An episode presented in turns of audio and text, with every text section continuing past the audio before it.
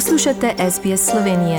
Prisluhnite še drugim zanimivim zgodbam na sbsp.com.au pošiljka Slovenije.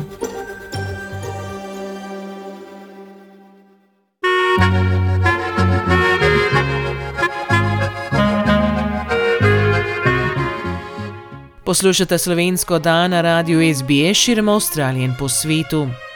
Danes je novoletni dan, 1. januar 2022, in upam, da ste prijetno vstopili v novo leto in da ste seveda zdravi.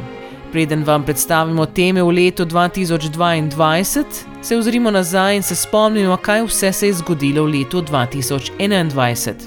Zvrstili so se številni dogodki v svetu in doma ter v naši slovenski skupnosti.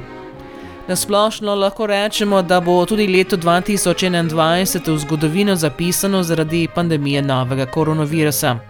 Različica Delta je povzročila veliko težav, sedaj ob koncu leta pa Omikron. Mesta so bila še naprej zaprta, Melbourne je dobil naziv kot najbolj zaprto mesto na svetu. Nadaljevali smo z delom od doma, postali smo učitelji preko Zuma in podobnih videoaplikacij.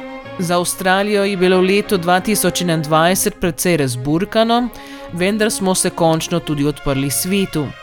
Februar je bil proti COVID-19 cepljen prvi Avstralec. Julija je različica Delta zaprla Sydney na to ves New South Wales, ko so bili v veljavi najstrožji ukrepi. Ljudje so se podali na ulice Melbourna, potem ko je vlada zaprla gradbeno industrijo. Medtem so se trgovinske napetosti med Avstralijo in Kitajsko nadaljevale, kot tudi nove napetosti s Francijo po odpovedi pogodbe o podmornicah. Razen korone smo v mednarodnih poročilih spremljali številne dogodke. Američani so leta 2021 uradno dobili novega predsednika, demokrata Joea Bidna. Ameriški vojaki in pripadniki vojsk drugih držav Zveze NATO, med njimi Avstralija, so po 20 letih zapustili Afganistan. Letos smo v stotem letu starosti izgubili britanskega princa Filipa, ki je bil 73 let soprog kraljice Elizabete II.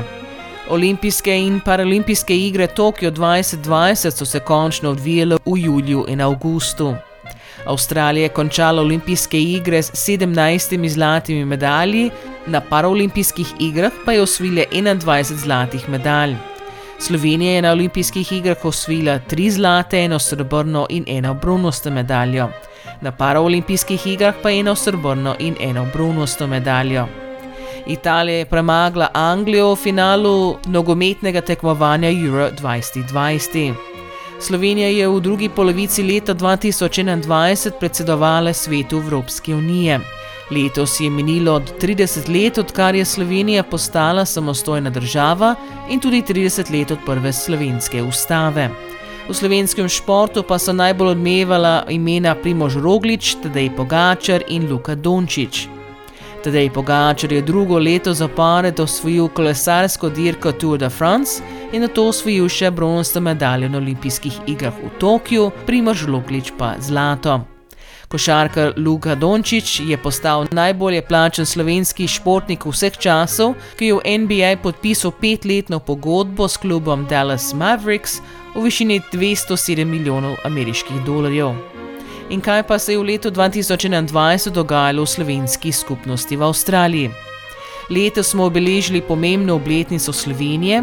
Gostov iz Slovenije sicer zaradi zaprtja meja ni bilo, število članov skupnosti pa se je precej zmanjšalo. Pa preglejmo dogodke, o katerih ste lahko slišali v slovenskih oddajah med letom. Junija smo praznovali 30. obletnico dneva državnosti v več mestih v slovenski skupnosti. Ob tem pomembnem dogodku smo pobrskali po našem radijskem arhivu in prisluhnili, kako smo pred 30 leti poročali in praznovali v oddaji. Isti mesec smo se tudi pogovarjali z različnimi avstralskimi slovenci v njihovih vlogah v bitki za osamosvajanje in obujali spomine na tisti čas. Spomnili smo se 20. obletnice 11. septembra, ko se je svet zavedno spremenil. Spomnili smo se tudi 20. obletnice smrti naše predrage dolgoletne urednice radije SBS v Sydneyju, Mariza Ličan. Ob začetku leta smo se pogovarjali z Jožetem Galičem, vsestranskim glasbenikom, avtorjem glasbe in besedil, urednikom, redaktorjem in publicistom o njegovi drugi knjigi, ki govori o življenju njegove soproge Cite. Oglasila se je Jasmina Mazej, učiteljica slovenščine, ki je v času pandemije na socialnih omrežjih redno objavljala svoje razmišljanja o šolanju nadaljavo. Pogovarjali smo se z Mileno Truden, ki je predstavila svojo knjigo z naslovom Stepping Stones. Oglasila se je pesnica, pisateljica in avtorica Cilka Žagar iz kraja Lightning Ridge v New South Walesu ob izdaji nove knjige, ki govori o njenem življenju in zgodovini naše domovine Slovenije. Septembra smo se pogovarjali z ambasadorko demence v Avstraliji Damielo Kliš. Ob izdaji dveh njenih novih knjig se je oglasila Draga Gelt iz Melbourna ter umetnica Lili Egoston Tomažič, ki je narisala abstraktne slike v knjigi Many Paths One Center. Pogovarjali smo se s predsednico Slovensko-Australskega akademskega društva, dr. Kaja Antlej, o peti letni konferenci, ki je potekala v živo Adelaide in tudi preko spleta. Oglasil se je Kristjan Petek, vrhunski lastni stilist, ki vodi seminarje po Evropi in svetu. V melbournskem studiu smo gostili slovenskega igralca Gregora Bakoviča in producentka Roka Bička, ki sta zaključila snemanjem slovensko-australskega filma Moja Vesna, režiserke Sare Kern.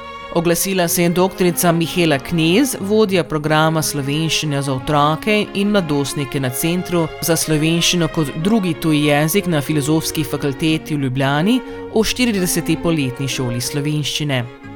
Pogovarjali smo se s predsednikom Svetovnega slovenskega kongresa, dr. Borisom Pleskovičem, ki je letos praznal 30. obletnico delovanja. Pogovarjali smo se s Heleno Janežič iz Narodne univerzitetne knjižnice v Ljubljani v razstavi ob 30. obletnici osamosvojitve Slovenije z imenom Vtisi 30 in tudi spletni razstavi Sanje imajo to čudno lastnost, da se včasih uresničijo.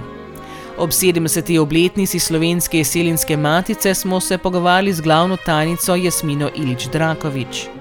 Po štirih letih delovanja na slovenskem veleposlaništvu v Cambridge se je v domovino vrnil svetovalec in namestnik veleposlanika Andrej Kralj, ki se je oglasil tik pred odhodom. Gostili smo biokemika dr. Boštjana Kobeta iz Queenslanda, ki je spregovoril o njegovem raziskovalnem delu v laboratoriju in o tem, kako cepiva proti novemu koronavirusu delujejo. Novo skupino za najmlajše Pika Poko v Melbournu je predstavila ena izmed pobudnic Neža Mušič Davriz.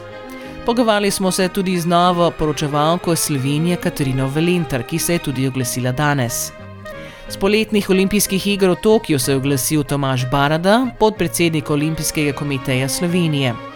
Pred odhodom v Tokio pa se oglasila dr. Boro Štrumbel, vodja slovenske paraolimpijske odprave, in dr. Dejan Fabčič, zelo nadarjen parašportnik, ki se je udeležil že tretjih paraolimpijskih iger. Ob koncu teh iger pa smo se pogovarjali s streljcema Frančekom Gorezdom Tirškem, ki je osvojil srebrno in bronasto medaljo na paraolimpijskih iger, in z legendarnim slovenskim paralimpicem Francijem Pinterjem, ki se je iger udeležil že osmič. O življenju slovencev v Argentini smo se pogovarjali z Damienom Ahlinom, ki z ženo Marijano živi v prestolnici Buenos Aires. Oglasil se je tudi stari prijatelj naše oddaje Mirko Vesle, ki je urednik slovenske radijske oddaje Okence v Slovenijo v argentinski prestolnici. Argentinsko-slovenski duet Branko Dani je izdal prve lastne skladbe o slovenščini in ob tej priložnosti smo se pogovarjali z Danielom. Pogovarjali smo se z Božom Perkovičem iz Canberre, ki v zadnjih letih objavlja prispevke na Google Maps, za katere je veliko zanimanja v širši skupnosti v Avstraliji in po svetu. Pogovarjali smo se tudi s številnimi glasbeniki, s svetovnim prvakom v igranju na diatonično harmoniko Denisom Navatom ob njegovem priznanju se strani italijanske vlade, komu je nadela časljiv naziv Vitez. Sašem Gačnikom, Svarogovom, ki je uspešen glasbenik na ruskem tržišču, z Urošem Supovcem, ki že vrsto let živi v Chicagu v Združenih državah Amerike, s pevcem Marinom Zgoncem ob izdaji nove pesmi, bujal pa je tudi spomine na gostovanje v Avstraliji, s slovensko predstavnico na Evrevziji Ano Soklič, z operno pevko in flautistko Rebeko Hren Dragolič, ki vzgaja mlade upe na Tasmaniji, s pianistom Aleksandrom Gadžijevem, ki je na klavirskem tekmovanju v Sydneyju osvojil sedem nagrad, ter na Šopinovem tekmovanju osvojil drugo mesto. Z Jožetom Vidicem, umetniškim vodjo in predsednikom kulturnega društva ob 70. obletnici slovenskega okteta, s slovenskim skladateljem Aldom Kumarjem, dobitnikom Kozineve nagrade, ki jo podeljuje Društvo slovenskih skladateljev, z Nikom Zorkom, harmonikarjem in vodjo narodno-zabavnega ansambla Upanje, ki je leto zmagal na prestižnem tujskem festivalu, z vsestranskim glasbenikom, avtorjem glasbe, aranžerjem, tonskim mojstrom, producentom in vodjo ansambla Igor in Zlati zvoki, Igorjem Podpečanom ob bližajoče se 30. obletnici ansambla.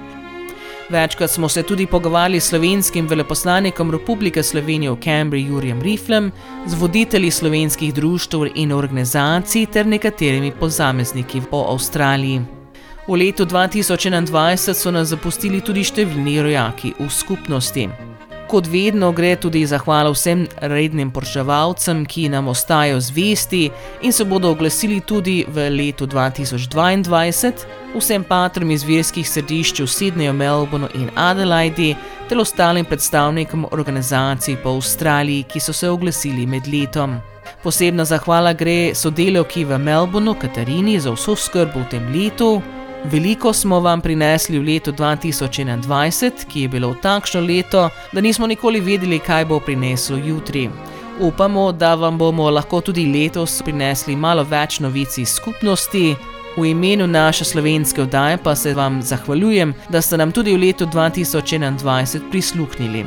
Naj bo leto 2022 srečno za vse, predvsem bodite zdravi in uživate še naprej ob poslušanju slovenske oddaje.